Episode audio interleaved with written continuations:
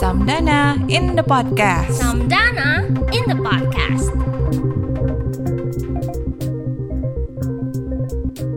Maci Papua, mari cerita tentang Papua.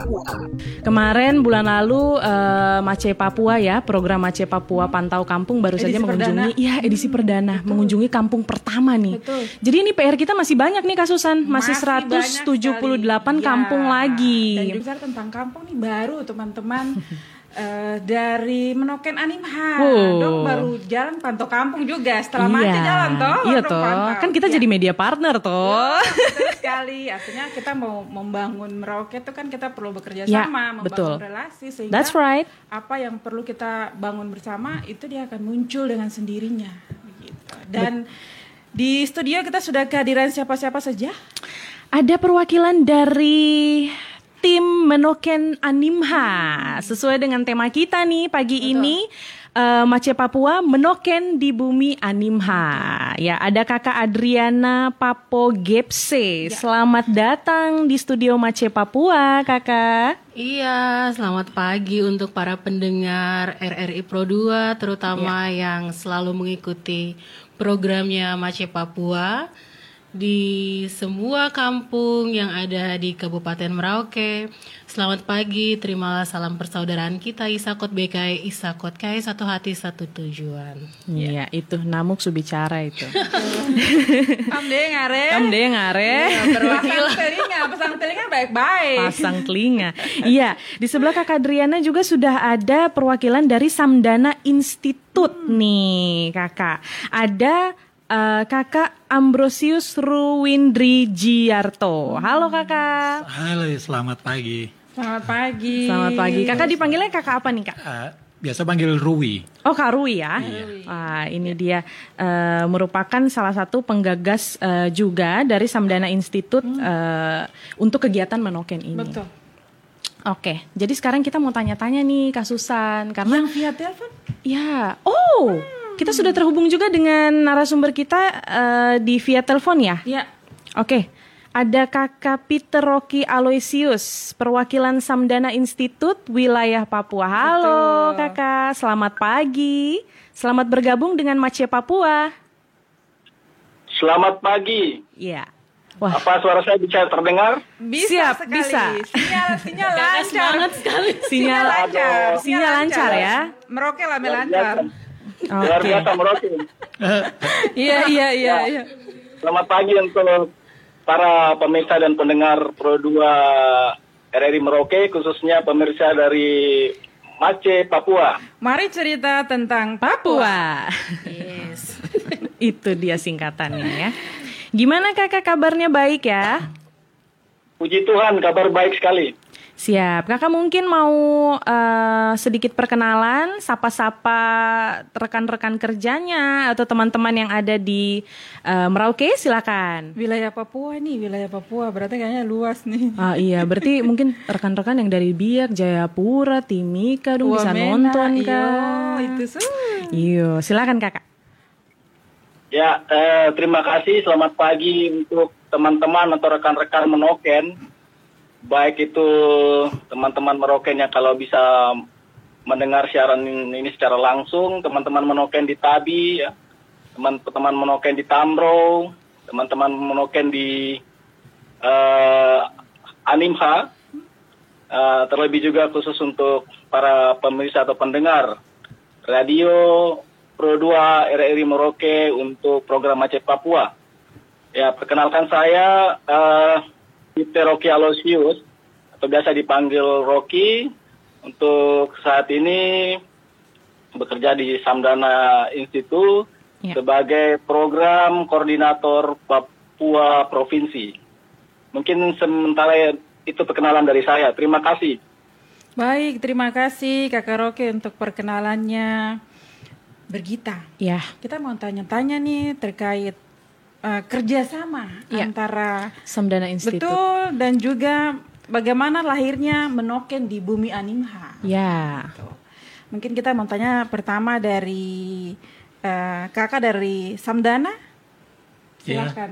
Oke. Iya. Kakak Rui ya. Iya, ya mungkin Kakak bisa Rui. diperkenalkan eh, sedikit kurang lebih mengenai Samdana Institute eh, untuk pendengar Mace Papua. Betul. yang belum tahu. Kemudian eh, berikut dengan kegiatannya nih, kegiatan menoken. kerjasama ya, Ya, kerjasama kerjasama. dengan teman-teman bagaimana terbentuknya menoken ini Ya. juga kan kita perlu tahu Ya. gitu supaya supaya mungkin teman-teman yang di Merauke Yes. ataupun yang di bawah Vendigul, Asmat, Mapi yang mau bergabung Bisa dong, iya.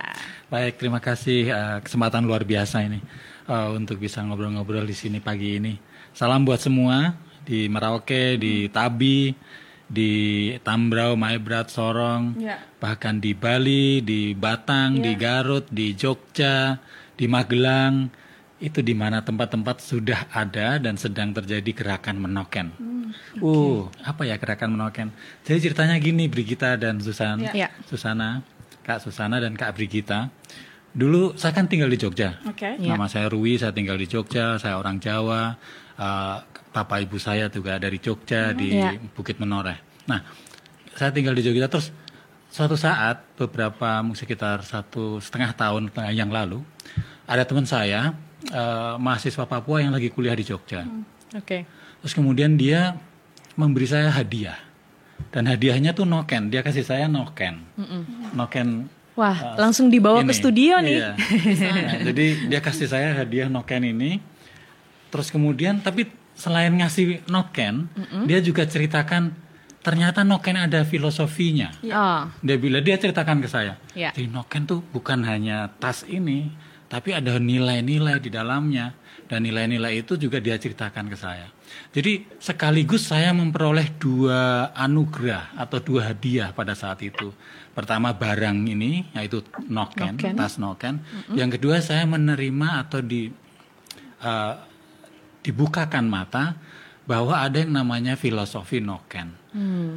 Seperti apa itu filosofi noken? Nah, menarik sekali, luar biasa sekali. Dan itu makanya saya sangat sejak saat itu saya tergerak gitu ya. Ada sesuatu di Langsung sini. jatuh cinta begitu Langsung ya. jatuh cinta. Berjuta Luar rasanya. Iya, Asik iya. banget memang lo. Filosofi pertama dia Iya. bilang. Noken ini sebenarnya melambangkan rahim. Hmm. Jadi karakter utama dari sebuah rahim adalah kasih. Jadi noken itu nilai paling pertama dan paling besar adalah kasih. Karena dia harus punya karakter paling kuat itu untuk eh, bayi yang sedang eh, di- dikandungnya ya. Jadi nilai pertama adalah kasih kerahiman. Kalau anda kalau kita dia bilang ke saya, Rui, kalau kamu bawa noken berarti kamu harus punya eh, ni- si- sikap kasih dalam hatimu setiap saat, karena kamu seperti membawa rahim. Dan memang benar ya bentuknya noken ini kan eh, dia seperti rahim, dia Iya. bisa kecil, bisa besar. Kalau bayinya besar, Elastis begitu ya. elastis, fleksibel. Dan memang- itu persis juga. Ya, dan memang secara harafiah juga eh, biasa digunakan oleh mama-mama di Wamena untuk menggendong anaknya. Ya. Ternyata demikian. Iya. Jadi kalau dong Saya tidur juga. itu memang dong sono, mama mau bawa sampai gunung mana pun tetap Tidak sono. rasa, Tidak nyaman. rasa, nyaman. Ya.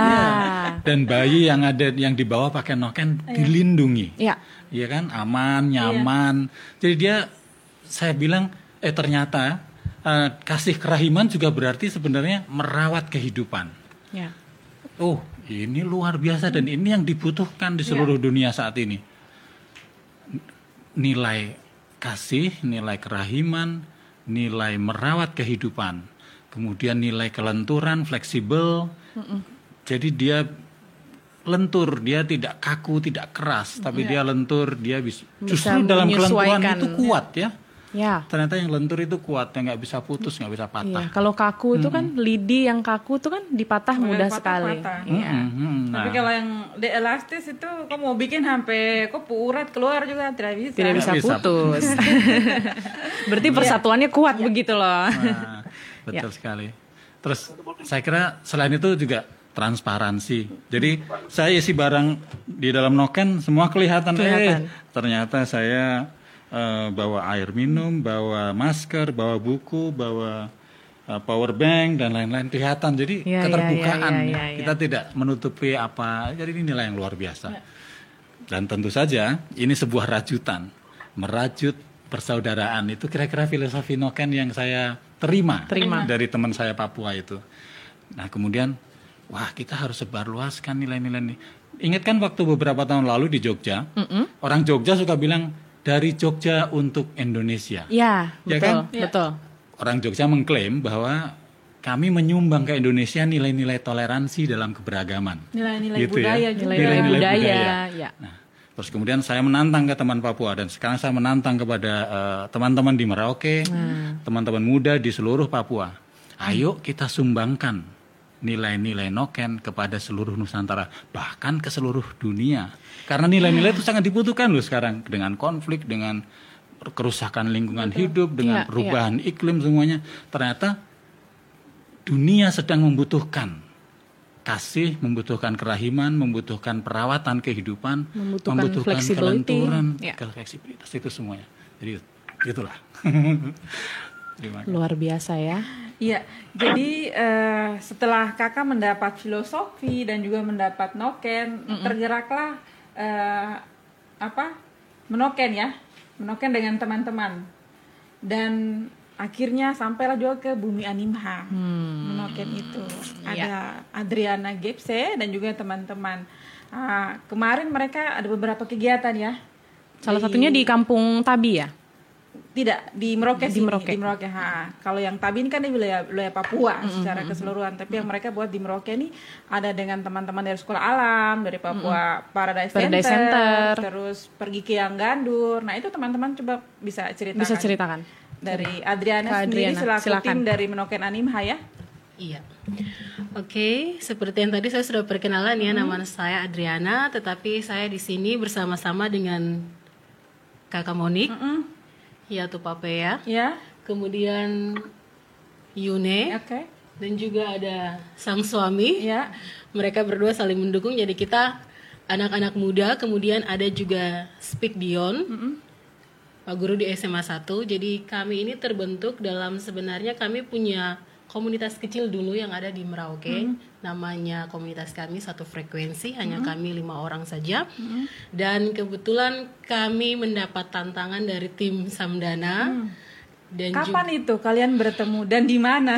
ketemu yang mana ini? Ketemu yang Samdana atau ketemu yang satu frekuensi? ini? Ya, ketemu yang satu, Satu frekuensi dulu. dulu. Bisa, ketemu yang Samdana juga di Bisa, share di-share toh, aja. Supaya teman-teman dong tahu oh Monokon Anima ini dong punya Oh, latar belakang sejarah terbentuknya kayak gini. Sejarahnya toh. Ya, ya, ya. Seda- sejarahnya juga tidak terlalu rumit-rumit amat. Memang kita sudah saling mengenal ya namanya anak-anak Merauke ya, tetap saling mengenal.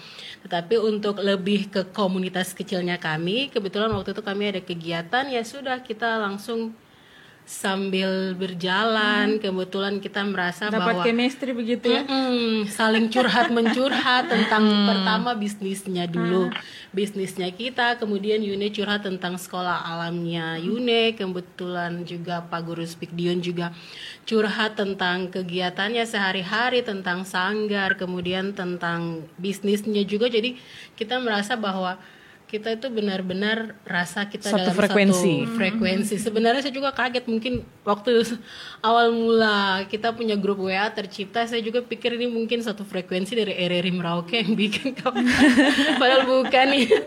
Oh, dari Ternyata- grup WA ya? Iya. Nama dari grup WA ya? jadi Iya, nama komunitas. Iya, jadi sebenarnya terbentuknya kita jalan tapi komunikasinya kita enak soal apa yang kita mau jadi benar-benar kita mau mengembangkan kita punya diri masing-masing dengan apa yang ada dalam diri kita. Kemudian kita sudah bentuk satu grup kecil-kecil namanya satu frekuensi tapi dari satu frekuensi kita saling share apa yang ada tentang kita termasuk kegiatan dari Samdana. Jadi untuk Samdana sendiri kebetulan Kakak Monik dan saya yang duluan berkenalan dengan Samdana. Oke. Setelah itu kita diberikan tantangan dan kita mengajak yang bertiga, Ya. yang satu frekuensi dengan kita dan kita sudah mulai mengikuti tantangan itu dan terjadilah demikian menurut kenyataannya. Iya, iya. Terjadilah Jadi teman-teman eh, Menoken ini kurang lebih sudah berapa lama Ya. teman-teman bergerak? Kalau untuk menoken sendiri kebetulan kita dapat informasinya bulan Maret ya, Mas. Iya. Tahun lalu ya. tahun ini. Oh, tahun ini. Oke. Tahun ini sebenarnya bulan Maret dan kita mau langsung eksekusi begitu infonya datang kita langsung mau eksekusi. Ya. Tetapi karena waktu itu tingkat corona di Merauke sedang lonjak sekali dan kita benar-benar menghargai dan mengikuti himbauan dari pemerintah sehingga kami kembalikan ke Samdana dan dari Samdana mengikuti apa yang pemerintah Kabupaten Merauke isuhkan dan Ya. Kita kembali lagi sampai dengan bulan Mei akhir ini baru bisa. Begitu setelah Lebaran kami saya bilang kakak Monik dan kakak Monik kembalikan ke Mas Rui dan sudah Ayo jalan. ayo Ayo jalan. jalan. Kita juga kaget. Kakak Monik hari itu bilangnya hari apa ya? Dari Selasa. dua hari sebelum kegiatan Mas Rui bilang, ayo ya sudah selama dua hari itu kita harus ke yang Gandur, Kampung Po dan sekitarnya tempat yang harus kita datangi dan langsung terjadi. Terjadi ya. Iya, dari teman-teman Samdana sendiri sudah sudah berapa kali berkunjung ke Merauke? ya? Ke Merauke, ke ya. Papua. Ke Papua ya, Lalu khususnya. eh, Samdana ini satu lembaga institut yang bergerak di bidang, Bidang apa? apa? Apakah dia budaya saja kah atau memang secara keseluruhan? Eh, iya, eh, saya mungkin tiga kali atau empat kali ke Merauke. Oke. Kalau Samdana, kami eh, kan kami berdiri tahun 2000 sekitar tahun 2000 saya lupa. 2005, 2004 atau 2003 mungkin itu ya. 17 tahun sekarang udah. Ya, Dan memang sejak awal em, pengen mendukung eh, berbagai dinamika semangat dari teman-teman di Papua Ya, yang bergerak di bidang lingkungan hidup, di bidang masyarakat adat, di bidang budaya, Ya. di bidang pangan. Pokoknya sama-sama ingin berbagi kasih itu ya. Jadi tentang hal-hal yang eh, eh, berkehidupan, tentang kehidupan Secara keseluruhan. secara ya. keseluruhan. Tapi Samdana sendiri itu kata-katanya dari mana? Samdana itu dari bahasa Sanskerta Ya. eh, yang kira-kira adalah bertemunya, eh, bertemu dalam damai. Jadi dia mempertemukan. Oke. Nah justru itu menoken saya kira eh, ke- tadi Adriana bilang dua hari kita telepon-teleponan terus lusa kita jalan ayo karena menoken itu gampang Tidak sekali. perlu berpikir terlalu lama, Lama, juga. ya, ya, ya, Langsung Kan saja. Kita kan anak muda, jadi anak muda betul. cepat bergerak, Harus semangat. cekatan. Harus, harus Ah. respon cepat kalau Harus responnya ya, cepat. harus fast tidak respon dong bisa. bilang. Iyo. Respon slow lagi. Itu lagi. Karena menoken kan kita pergi ke kampung-kampung bawa noken kita, terus kita camping, kita bikin api unggun, kita cerita-cerita, menyanyi dan berbagi. Nah, Itu intinya. Persis yang dilakukan oleh Mace Papua nih. Jadi Mace Papua punya eh Mace Merauke. Mace Papua. Betul, Sudah betul. Mantap. Nah, Mace Mace Papua kalau di Merauke ada 179 kampung. Iya. Ya. Dan semua ingin dikunjungi dan ingin digali dan ingin dirayakan Iya. Ya. kehidupan di sana. Berarti sama dengan menoken ini. Iya. Kita Satu bareng-bareng. visi nih. Jadi tinggal ke depannya bareng. fisikan aja. Iya, bareng nih. Kemarin tuh kita baru sampai ke yang Gandur dari Muting dong sudah bilang, Ya. dari Sota dong sudah bilang, coba pantau masyarakat masyarakat lokal di kampung-kampung di dekat Kalidian gitu, adik-adik yang memang mereka memerlukan Ya, ya, ya, ya. eh, apa ya kunjungan Ya, gitu. ya, ya. Jadi masyarakat tuh sebenarnya mereka membutuhkan kunjungan kita yang di kota. Betul, betul. Persis. Karena kan ada em, saki- kita punya keyakinan bahwa setiap orang punya sesuatu untuk dibagikan kepada orang lain. Iya. Ya. Setiap kampung punya sesuatu untuk dibagikan ke kampung lain atau ke komunitas lain. Jadi kita saling berbagi. Dan yang penting yang sebelum semua sebelum bisa berbagi kan kita harus terhubung. Iya. Seperti noken, kita harus terajut dalam Terajut. sebuah jalinan gitu ya. Sehingga kita bisa saling berbagi dan saling solidaritas dan saling belajar. Saya kira itu sesuatu yang cocok banget buat anak muda. Memang ini kegiatan anak muda sih. Betul. Dan Noken sendiri kan kalau kita lihat dari dari aslinya ya, Ya. aslinya kan di satu warna. Ya. Terus eh, berjalannya waktu, perubahan, Sudah mulai ada desain-desain baru. Iya, desain-desain baru. Ya. Nah, desain- desain-desain baru tuh saya pikir itu relasi ya, Ya. relasi yang kita bangun Iya, iya. dengan teman-teman yang memang punya kepedulian. Betul, betul, betul. Nah, itu filosofinya masuk lagi tuh. Masuk banget makanya yang pertama kita jalin, kita rajut, kemudian kita belajar bersama dan kita berbagi. Tapi saya ada masalah nih. Kakak Susana dan Ya. Kakak Brigita. Apa itu saya masalah? kehilangan hubungan atau kehilangan rajutan dengan beberapa teman di Merauke nih boleh nggak saya panggil panggil mereka ya Oh, boleh. Mau sapa atau kita seret ke studio kasus. iya saya iya, iya, iya, saya iya, pernah ber- terhubung dengan Abrin dan Michael dari komunitas Tuli Merauke Oh, Aduh sayang Abrin dan Michael aku kontak-kontak kalian nggak bisa tersambung nih. Tapi kalau ada teman-teman yang kenal mereka tolong dong di um, kasih nomor telepon yang baru. ya? iya. Bisa, nanti Masya yang pantau. Oke. Nah, kan kita antar komunitas, Ya. jadi semua kita ada yang tuli, ada yang buta di Tabi, waktu menoken di Tabi dengan teman-teman tuli Jayapura, waktu di Bali Jawa dengan teman-teman buta, dengan teman-teman tuli, dengan pokoknya semua kali kita semua sama Ya. dan kita terajut dalam persaudaraan. Terus saya juga ingin panggil nih kalau boleh teman-teman yang saya dulu ketemu ada Agusta Maria Wanggadiwa, ada Epivianus Faut, ada Gregorius Doyop, ada Ladis Nauce, Agustina Omdoan. Aduh teman-teman, aku maaf nggak bisa ngontak kalian ya, tapi ayo kalau eh, kalian masih punya nomor teleponku atau hubungi Kak Susana. Kak, itu siapa teman-teman satu kompleks sih? Kata Epi itu ada ada kita ada nomornya Kompleks itu dalam nanti. satu wadah. Setelah siaran kita kasih kontaknya. Masalahnya Mas baca daftar nama. Nama. ayo kita ketemu kalau begitu besok atau besok pagi gitu, kayak kita ajak sama-sama. Nanti saya hubungi mereka. Mereka tuh teman-teman dalam eh, apa komunitas organisasi. Iya, banget. Pemkri, Iya, betul. iya, iya.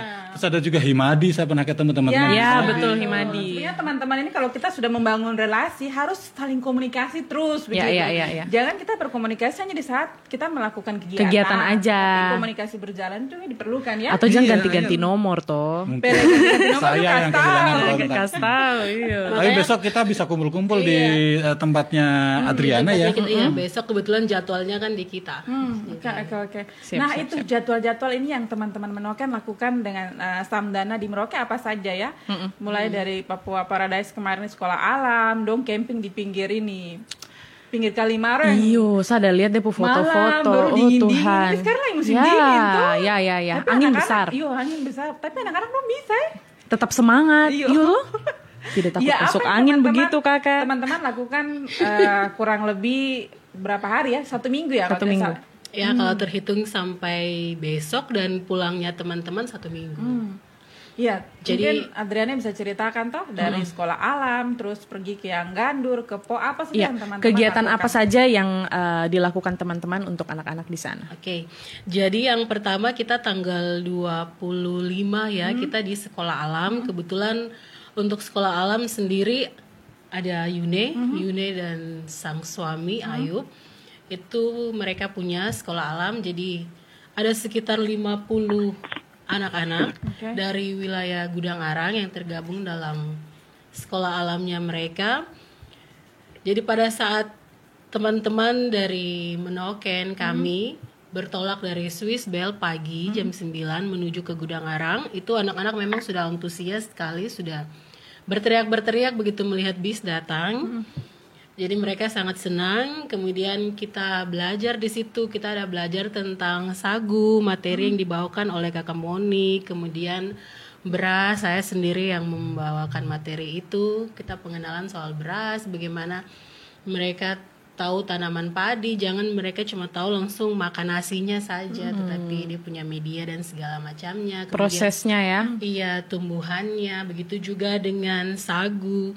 Bahkan ya ada anak-anak yang masih bertanya bagaimana itu pohon sagu gitu. Berarti itu kan Oh, masih oke. perlu pelajaran untuk kita lagi. Kita perlu lebih Bagaimana cara pangkur lagi. sagu? Ya, itu itu nanti lagi. Karena ini pohon saja masih Iya, iya, iya, Pohon saya dong masih terawang, apalagi pakur. Tapi itu memang tantangan ya, Iya. tantangan buat Tantangan. kita semua anak-anak Iya. muda Iya, iya. bukan khususnya. cuma kita, tapi untuk semuanya. Betul betul. Supaya eh, kita mulai mengedukasi anak-anak Betul. sejak dini begitu. Karena itu kan potensi alam lokal sebenarnya ya, yang harusnya tidak asing bagi Iya. mereka. Iya. tidak hanya apa informasi dari luar yang mereka dapat mentah-mentah, tetapi Hmm. informasi dari dalam tanah Papua sendiri, Ya. sumber dayanya juga mereka perlu tahu. Betul. Mm. Jadi macam kita punya rumah tapi kita tidak tahu dia punya sudut-sudutnya begitu. Betul, ada, betul. ada apa dalam kita berumah kita kurang tahu. Berarti Jadi jangan masuk dari depan langsung tembus dapur ya. kadang-kadang gitu langsung makan. Langsung. Iya. Langsung makan. Jadi kita bukan hanya kita tapi saya harapkan semua yang mendengar ini lebih untuk memperkenalkan tentang apa yang ada dalam rumah kita dalam Merauke. Kemudian juga Yune memperkenalkan tentang kelapa sawit. Dan juga setelah itu kita bermain dan kita menari-nari karena itu kan anak kecil-kecil jadi masa kita Harus ada muda, ini Mereka ya, have fun-nya. Mereka perlu Ya. bergembira ria. Ya, ya, ya, gitu. ya. Jadi Iya. edukasi terus games. Ya, ya, ya. Jadi dong maksudnya anak-anak itu kan kadang cepat-cepat bosan juga ya. Betul. Tapi dong ku ekstra ekstra tenaga itu luar biasa anak-anak Papua ini. Iya, ekstra lebih tenaga. produktif begitu, iya. toh? Sampai mau TikTok TikTok terus mau pulang. Aduh. Aduh, berarti kakak dong juga sewajar dong TikTok nih. Iya toh. Kakak dorang yang balik ajar kakak Ah, dorang. tidak. Kakak harus gaul. Oh, itu, itu, itu. Betul, betul. Oke, setelah itu kita makan siang. Dari setelah makan siang, kemudian teman-teman duduk berdiskusi sedikit dan membangun tenda. Pada saat membangun tenda selesai, karena malam setelahnya kita ada jadwal di aula SMA Negeri 1 di tempatnya Pak Guru Speak Dion. Kebetulan untuk Speak Dion sendiri dia punya bisnis kuliner dan juga dia punya sanggar seni. Jadi dibalut jadi satu kita pakai aula SMA Negeri 1 dan menampilkan sanggar seninya juga anak-anak muda, anak-anak SMA yang tergabung di dalamnya. Kemudian setelah mereka tampil dan juga mereka ada punya pergelaran lukisan, lukisannya mereka bagus menceritakan tentang alam Merauke. Setelah itu kita yospan bersama. Dan ini yang kita mesti garis bawahi bahwa jangan lagi kita setelah kegiatan-kegiatan kita acara patola-patola sebaiknya jangan kita Iya, mungkin iya, iya, iya. membangkitkan kembali kita punya Budaya. budaya ya yosim yosim lagi begitu. Nah itu sudah selesai. Setelah itu kita makan dan kita kembali ke gudang arang. Ya. Di sana anak-anak sudah tunggu juga di jalan. Setelah itu mereka datang, kita sama-sama juga dengan tim Explore Merauke. Pada kesempatan ini juga kami dari tim Merauke mengucapkan terima kasih untuk teman-teman dari Explore Merauke yang sudah memberikan materi tentang apa namanya reptil Iya, dan mereka bawa reptilnya juga dan Apa yang dibawa kakak? saya mau cerita tapi mereka bawa itu ada biawak kemudian yang biasa disebut soa-soa. Mereka memperkenalkan. Setelah itu juga ada ular tapi ularnya dijinakan, Jinakan. Oleh ahlinya Ya, betul. dari Balai Taman Nasional Waksur Kang Asep sendiri yang bawa dan Kang Asep sendiri yang memegang ular dari ukuran kecil hingga ukuran yang besar. Ya. Jadi anak-anak itu pertama takut tetapi selebihnya mereka sangat antusias dan semangat dan mereka mau membelai-belai saja. Dan penasaran ya. Dan penasaran. penasaran. Heeh, Dan mereka minta kalau bisa materinya diulang-ulang terus. Setelah itu sudah mereka berkemah. Berkemah ya. Oke, kita juga mau tanya ke Kakak Rocky. Kakak Rocky. Halo. Halo. Kakak Rocky. Halo. Ya, Ya. Kakak Rocky, kita mau tanya-tanya ke Kakak dulu ini. Kakak sebagai perwakilan Samdana Institute di Wilayah wilayah Papua. Papua. Ya. eh, tadi kalau tidak salah dari Kakak Kakak Rui. Iya, Kakak Rui Rui. sampaikan ada di Tabi, ada di Manokwari, ada Ya. di Sorong. Nah, bagaimana Kakak melihat teman-teman Papua membuat gerakan menoken di Ya. seluruh wilayah Papua bahkan Papua bagaimana Barat ini, ya, Kakak? bagaimana keterlibatan mereka dan rasa antusiasme eh, anak-anak di Papua. Iya. Ya. Yang pertama eh, saya menyampaikan apresiasi untuk program TV Mace Papua ya. Iya. Siap. Melalui media ini luar biasa. Artinya eh, kita berharap bahwa banyak hal nanti yang bisa di disampaikan Di-share ya. atau dapat diterima oleh eh, terutama untuk masyarakat di kampung. Ya. Eh, ya eh, untuk Papua sendiri seperti tadi juga banyak hal yang sudah disampaikan oleh Mas Rui. Ya eh, kegiatan menoken ini ya pada saat awalnya kita di apa dicetuskan ya ternyata memang sangat efektif, sangat efektif sekali. Ya, terutama ya kita bicara masalah noken, ya kita orang Papua sendiri bicara masalah noken, tapi sebenarnya tadi banyak sekali filosofi-filosofi yang ada di noken sebenarnya belum eh, belum eh, Belum di- dikenal secara keseluruhan ya, Kakak. dikenal dan bukan dikenal saja, tapi justru menjadi apa filosofi hidup kita bagi orang Papua. Gitu. Ya. Nah, berangkat dari misalnya di ya ini sebenarnya ini juga ini juga untuk di Papua ini kita baru ya, baru di Tabi ya. Iya. Ya. Ini baru kegiatan baru di Tabi dan yang kedua ini adalah kegiatan di Merauke. Hmm. Nah, ya waktu di Tabi itu luar biasa. Ini kita berangkat juga melihat dari tadi yang seperti yang tadi Mas Rui sampaikan bahwa monoken adalah bagaimana merajut ya, merajut kegiatan-kegiatan yang dilakukan oleh teman-teman di komunitas sendiri. Ya. Sebenarnya banyak sekali kegiatan-kegiatan dilakukan oleh komunitas, tapi hanya sifatnya eh, masing-masing ya, kegiatan dilakukan sendiri-sendiri. Nah sehingga eh, ya teman-teman sebenarnya sesungguhnya banyak sekali yang sudah dibuat, tapi se- sebenarnya dalam hal tertentu juga sangat sangat sedikit diketahui oleh banyak pihak. Berarti Nah, memang perlu iya. ini ya, perlu media Iya, begitu perlu seperti media. Aceh Papua. Betul. Benar. Media partner. Ya, Ya.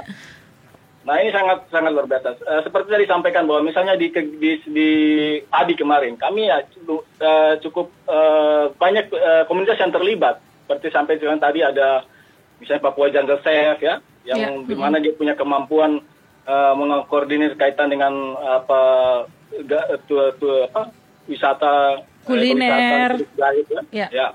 Terus ada kelompok-kelompok misalnya pencinta alam kipas yang di mana dia bergerak konsen untuk eh, apa kegiatan-kegiatan apa ke perlindungan mangrove ya di daerah Ya. Parmi ya. Ah, Ada juga apa apa Papua Jungle Safe yang mungkin juga cukup banyak yang sudah tahu bagaimana kelompok apa, komunitas ini dia terus bicara tentang apa potensi lokal food ya yang Betul. ada di Papua yang selama ini juga masih belum banyak dikenal gitu. Nah, ada juga komunitas tuli ya. Ini menarik sekali macam komunitas tuli ya. Ternyata dengan keterlibatan mereka mulai kegiatan menoken, mereka menyadari bahwa wah ternyata selama ini eh, mereka berpikir bahwa ke- kelompok-kelompok komunitas tuli ini sulit diterima oleh komunitas lainnya. Ya. Tapi dengan keterlibatan dalam kegiatan menoken, wah ternyata mereka sangat luar biasa. Mereka senang sekali. Ya, ternyata komunikasi yang ya artinya dengan komunikasi yang dilakukan oleh teman-teman menok apa komunitas tuli ini bisa juga dipelajari oleh oleh ke- apa kelompok-kelompok yang lain, artinya teman-teman kita yang normal. Iya. Teman Ini dengar. menarik. Jadi Ya, ada teman teman dengar. dengar, ada Betul. teman tuli. Hmm. jadi kita juga harus saling menerima Iya. Betul. Perbedaan. kehadiran perbedaan. satu sama Ya, lain. ya. Yang penting kan bisa komunikasi itu. Nah itu belajar berkomunikasi Supaya- ke teman-teman itu yang kita Caranya saja yang berbeda begitu. Iya. Ya, jadi saya pikir itu. Jadi dan ini penerimanya luar biasa. Jadi saya pikir ini adalah apa kegiatan menoken ini ini adalah suatu ke- kegiatan yang sangat-sangat potensi untuk dikembangkan. Seperti tadi sampai Mas untuk merajut semua keberagaman ke dari kegiatan-kegiatan dari komunitas yang berbeda-beda tadi.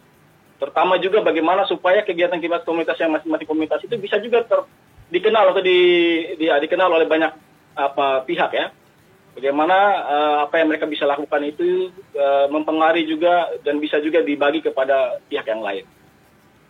Nah, saya pikir ini yang eh, apa apa apa kegiatan monoken ini yang dilihat dari ekspresinya sangat baik sehingga menurut saya ini sangat eh, berpotensi untuk di di apa dikembangkan disebar luaskan ke ke tempat-tempat yang lain atau wilayah yang lain khususnya di Papua. gitu. Ayo teman-teman muda, kita jalan camping bawa nokenmu dan mari berbagi. Nah. Api unggun cerita-cerita, Betul. nyanyi-nyanyi dan lain-lain. Makan-makan, wow. Teman-teman yang punya punya kemampuan yang lain juga, teman-teman juga iya. bisa langsung berbagi. Misalnya kita ke kampung kayak kemarin teman-teman ke kampung yang gandul, Iya, iya, kampung po. Kampung Po. Itu kesempatan juga katanya kita berbagi ilmu langsung dengan masyarakat. Ya betul. Iya, tapi saya mau tanya nih Kak Rocky, eh, kegiatan-kegiatan yang dilakukan di Tabi kemarin meliputi apa saja? Mungkin bisa di-sharing. Ya. Yang yang pertama itu adalah kita bagaimana kita mengunjungi satu lokasi. Kita pertama kegiatan menoken itu adalah kita eh, memulai di salah satu bukit Cotoro ya. Nah bukit Cotoro ini sebenarnya eh, ada satu pulau di dalam di tengah Danau Sentani yang sebenarnya eh, punya potensi untuk dikembangkan sebagai apa ekowisata. Hmm. Cuma namun sampai sekarang ini belum banyak dikenal oleh apa khususnya orang-orang di sekitar Sentani atau di Jayapura.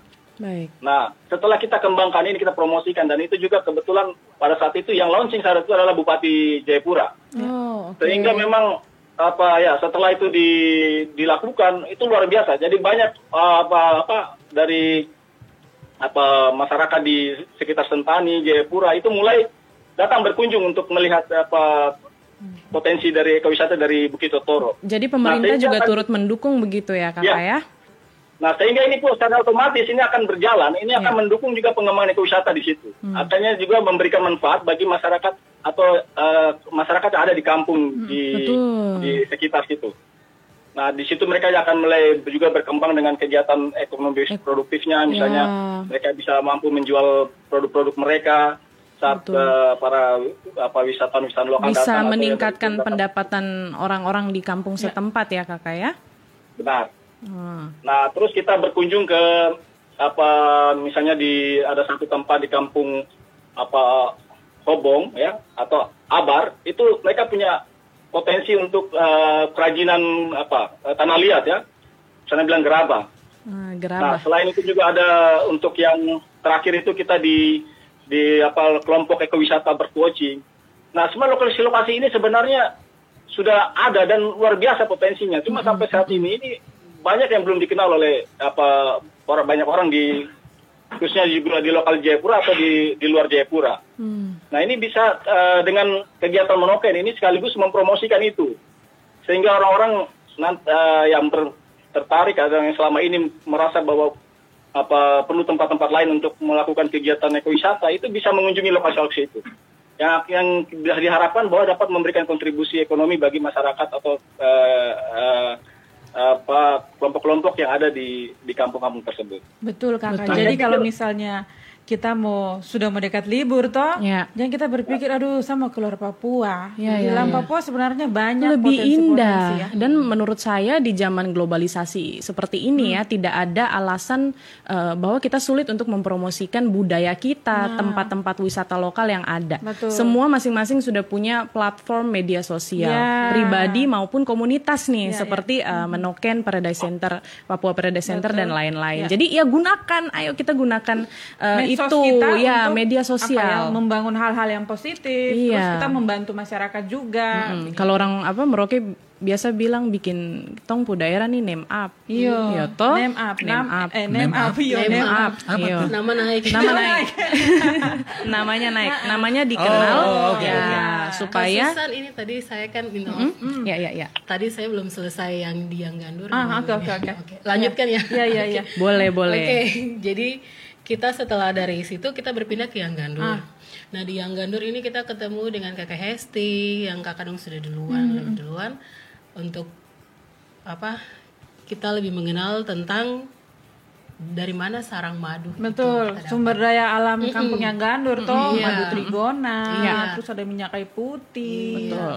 Jadi kemarin itu kita langsung diperkenalkan dan kita dibimbing langsung ke tempat yang ada sarang Langsung masuk hutan, sarang Pak. madu tersebut dan iya Oke, oke, oke. dan di sana luar biasanya kita dituntun oleh tour guide langsung iya. dari kampung Iya, betul. Dan itu dipegang kendali oleh anak muda Betul sekali. Jadi kemarin Maci Papua juga kita ke kampung kita langsung anak-anak muda di kampung yang Iya. kita bilang ayo ikut kami begitu. Karena kan mereka yang langsung bisa berkomunikasi dengan masyarakat Betul. begitu. Yang jadi tour guide begitu. Yo. jadi yang antar kita selain kakak Hesti dan suaminya diantar juga oleh ada anak muda empat tetapi kita diarahkan langsung oleh Sonic Hmm. ada anak laki-laki di sana Iya. masih muda dan menurut mereka itu dia sangat berpeluang untuk yang gandur ke depannya Iya. gitu. Jadi dia menjelaskan kepada kita bagaimana pohon itu mereka bisa lihat dari bawah dan kita memang sangat kalau istilahnya kita di Merauke kita jadi udik juga begitu kan. Pohonnya terlalu tinggi tetapi mereka bisa Ada trik-triknya. Mm-mm, trik-triknya yaitu corong madu itu lebah itu dia masuk dan Dia bocorong tuh kalau kita lihat ini kayak bagaimana? Iya dan menurut kita menurut kita itu unik. Ah. Uniknya kenapa? Karena kita tidak tahu tapi mereka tahu dan mereka benar-benar menjelaskan dengan baik sampai dengan dia punya proses pengambilan di dalam. Kita juga diberi penjelasan dan kita melihat langsung bagaimana mereka bisa jalur di dalam dia punya apa pohonnya itu juga. Dan menurut kita itu luar biasa. Setelah itu kita kembali lagi ke kampung yang gandur tetapi sebelumnya itu memang kita sudah diperkenalkan tentang kayu putih. Dia punya tempatnya itu. Dan yang menarik dari situ malamnya kita sempat mandi di air. Habis Kali kayu biru. putih itu. Tidak air habis masak minyak kayu putih yang Ah, tetap oke. hangat itu. Iya, jadi iya. kita mandi aduh dia kok enak apa? Maksudnya itu seperti benar-benar kita terapi. Relax, gitu, relax relax, langsung jadi Karena dia kalau- bukan hanya hangat, aromanya juga kan enak. aduh aroma eh, pokoknya itu seperti kita kalau misalnya Spa ya, kita kayak bikin spa gitu ya. satu-satunya di sauna dunia. begitu Kayak luar ini. biasa. Karena kita mandi langsung kita seperti relax dan kita mau mandi terus dan airnya itu bersih kalau memang dia punya di bawahnya kotor tetapi kita tidak mengambil yang di bawah tuh, karena kita kan mandi yang dia punya bersihnya dan luar biasa kita sampai selesai mandi tetap kita cium-cium kita pukul kulit aduh mama Jadi kita bisa Bayangin- pakai kampung yang kan. Bayangin Iya, kasusnya iya. kalau potensi-potensi pariwisata itu bisa dikembangkan. Terus jadi ada tempat eh, spa, sauna yang gandur. Jadi Keren kita sudah pakai hand body lagi setelah itu. Iya. Tuhannya pewangi saya sampai kita tidur besok pagi juga masih wangi. Betul, asik banget. Setelah itu juga ada dia punya potensi kemiri. Setelah kemiri juga kita makan kumbilihnya memang yang gandur memang dia punya penghasil kumbilihnya luar biasa karena enak dan juga empuk. Setelah dari yang gandur kita bergeser ke Kampung Tambat. Kita melihat proses pembuatan sagu yang pertama dari mama-mama di bagian bawah yang masih tradisional yang masih ramas. Kebetulan setelah itu kita berpindah ke pabrik pembuatan tepung sagu yang sudah lebih modern, yang sudah punya tepung sagu basah dan tepung sagu kering.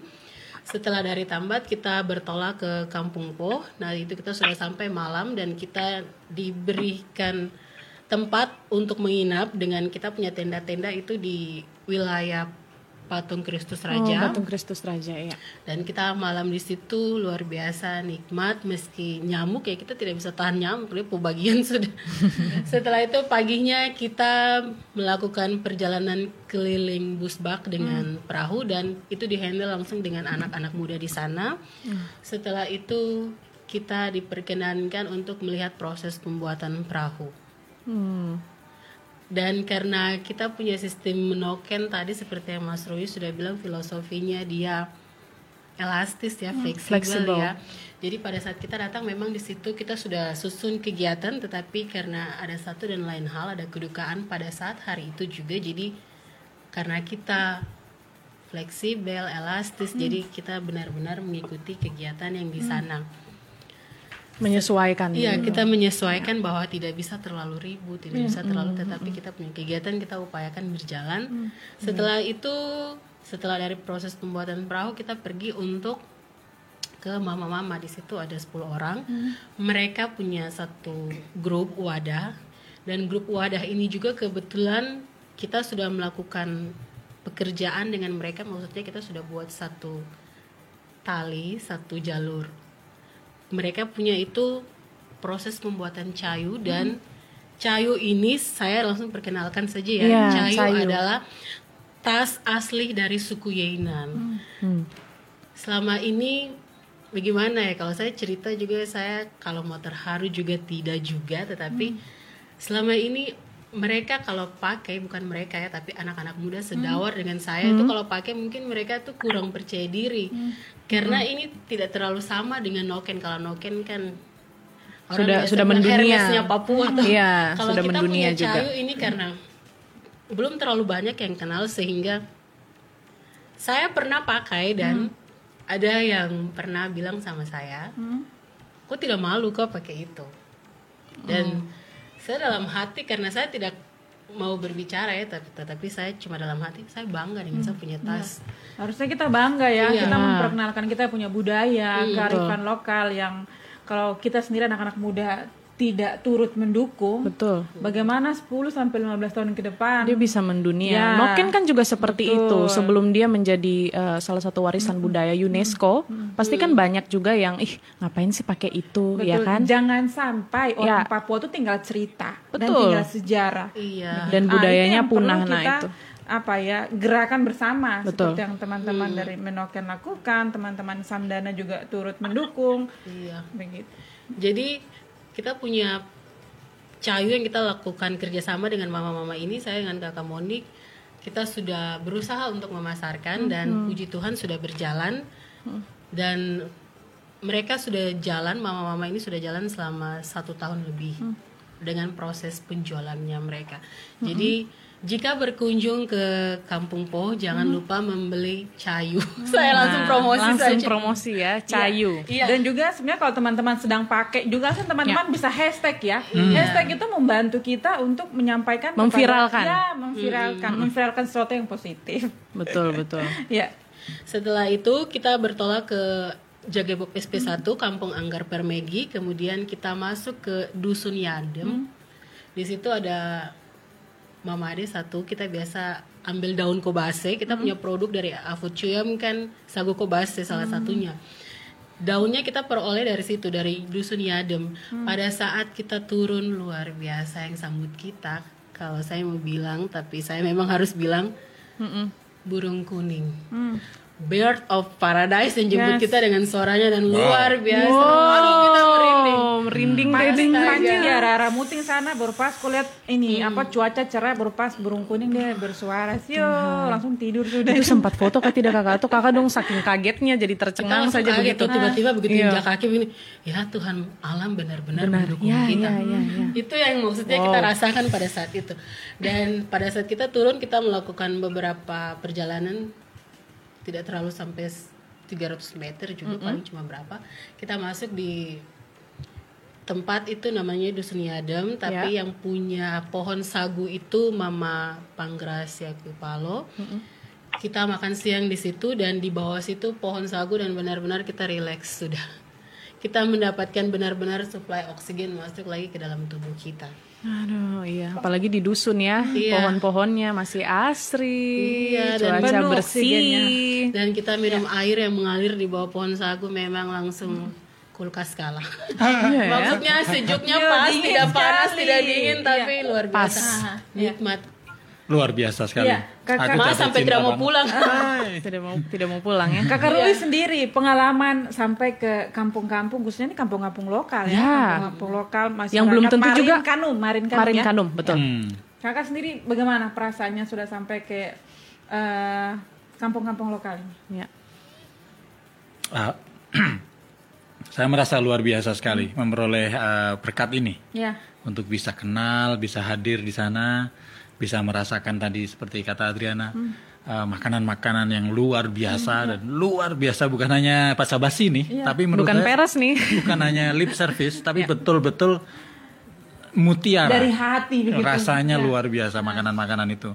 Terus kemudian tentu saja alamnya luar biasa. Eh, tadi mandi di air sungai yang sangat jernih dan fresh banget gitu.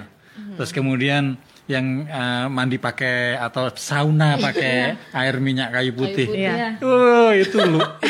Wah. Kalau orang tahu nih akan diserbu seluruh dunia ini ke sini. Terus minumnya madu pakai apa? Terus begitu. minum madu dari Pakai teh Begitu langsung oleh kakak mau racikannya ada nikmat. Nah, tapi yang saya paling paling senang adalah karena setiap ketemu teman-teman, saya ketemu orang Papua di kampung-kampung, di komunitas, Ya. Selalu disambut dengan terbuka dan dengan rasa persaudaraan yang tinggi, kemudian ada rasa jiwa seni yang luar biasa.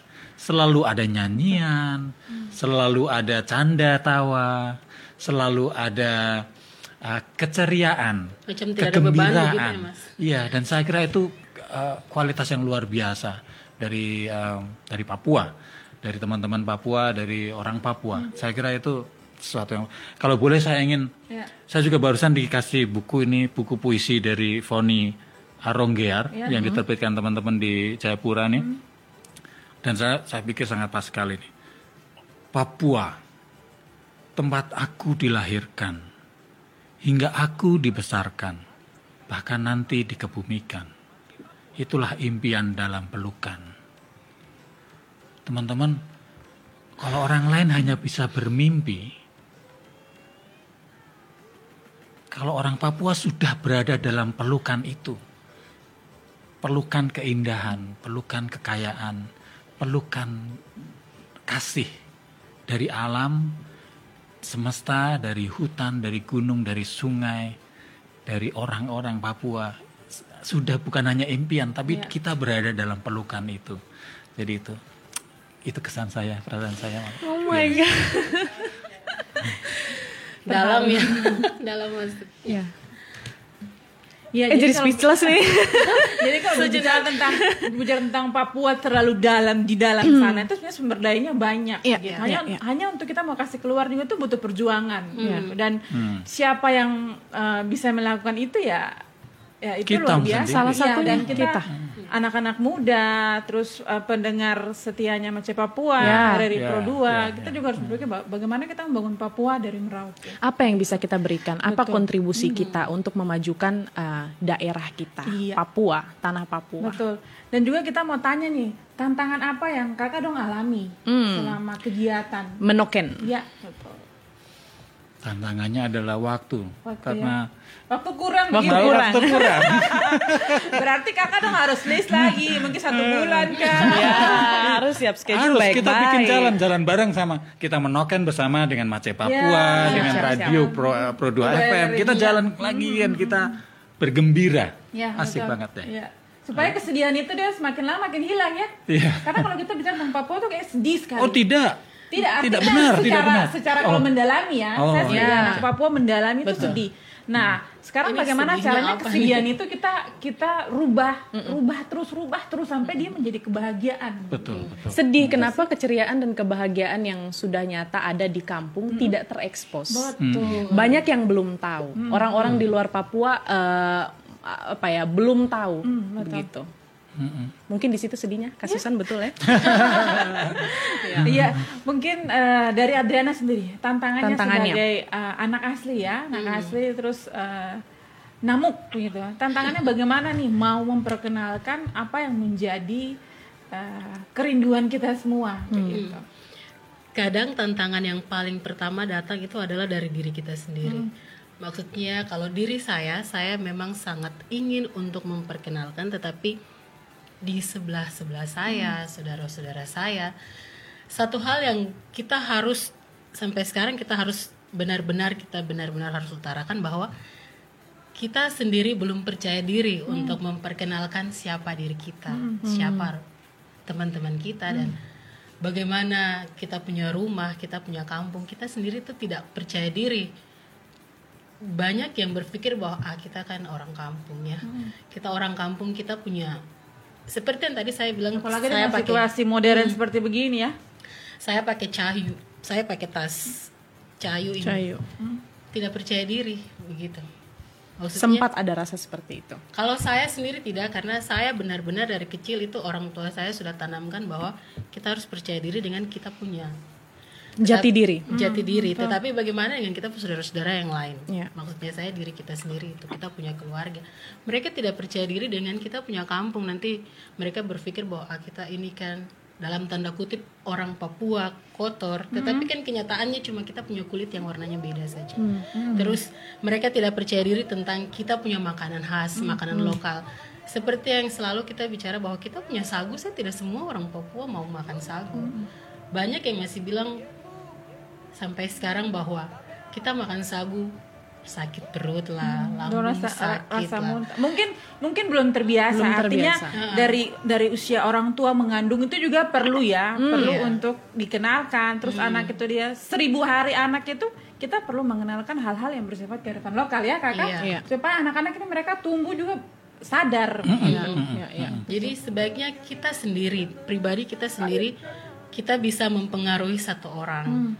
Kita tidak bisa memang langsung mempengaruhi seribu orang, tidak bisa. Tetapi apa yang kita ajarkan, kita bisa ajarkan kepada satu orang dan kita mengajarkan bahwa kita harus percaya diri tentang kita punya Papua sendiri. Iya. Kita harus bisa bahwa sudah bukan zamannya kita sombong naik pesawat kita posting begini begini ah saya naik pesawat saya ke kota ini bagaimana kita bisa membuka kita punya mata kita punya hati bahwa kita tidur dalam di bawah pohon sagu lebih enak kita pakai perahu di rawa-rawa di, busbak lebih enak. Asik sekali. lebih asik. Dan menurut saya itu itu salah satu cara kita untuk memberikan kita punya pengaruh kepada orang-orang lain bahwa kita percaya diri dengan apa yang kita punya. Dan kita bangga kalau kita orang Papua. Kita terlebih lagi anak-anak muda kita percaya diri bahwa kita bisa tidur di lapang-lapang di busbak dan itu luar biasa. Ya.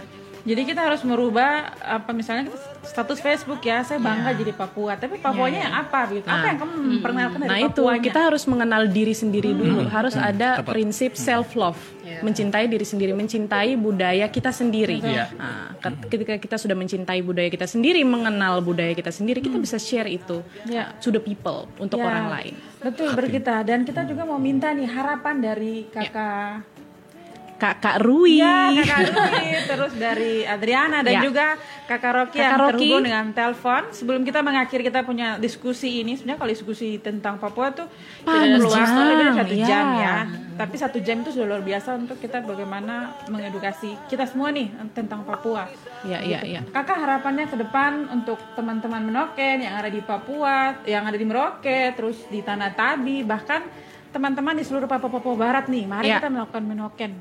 Harapannya. Dan juga pesan-pesannya untuk membangkitkan semangat mereka. Ah, itu sudah kakak Susana itu pesanku darimu tadi. Ayo menoken. Ayo teman-teman muda di Merauke dan di seluruh Papua, ayo menoken. Kita camping, jalan-jalan, kita berbagi di kampung-kampung, antar komunitas, siapa pun. Kita bangga jadi orang Papua. Kita mau mengenali diri sendiri karena kita berada dalam pelukan, keindahan, pelukan kasih alam semesta Papua. Itu pesan saya. Ya, dari Adriana sendiri harapannya untuk teman-teman khususnya yang di Merauke nih. Merauke, Bovendigo, Asmat, Mapi, silakan.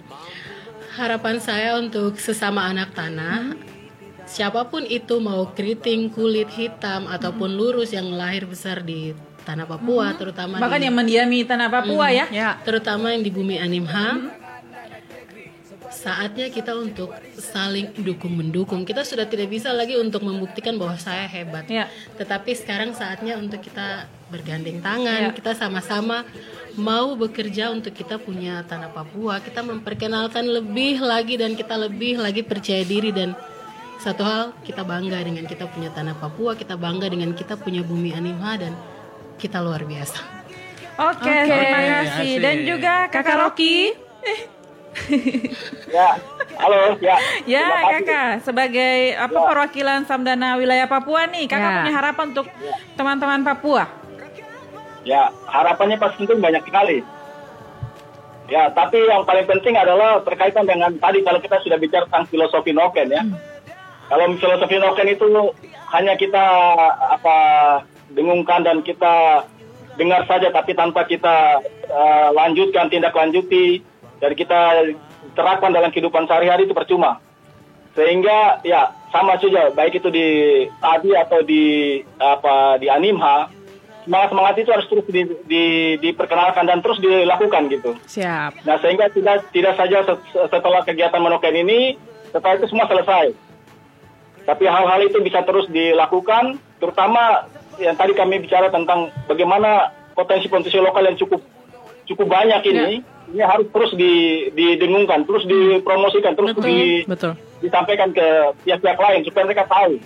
Nah ini juga memerlu- memerlukan keterlibatan semua pihak. Ya. Jadi pertama pemerintah, ya, Ya. tadi kita dengar bahwa ada misalnya di Ambung Po itu ada potensi untuk kuliner di sana, ada potensi untuk apa ekowisata di sana. Ya. Nah bagaimana semua pihak ini harus eh, bersama-sama berpartisipasi eh, mendukung itu supaya tujuan akhirnya adalah eh, kegiatan masyarakat di sana bisa jalan dengan baik dan paling penting adalah pem- eh, dapat memberikan manfaat ekonomi bagi masyarakat lokal. Terima kasih itu dari saya.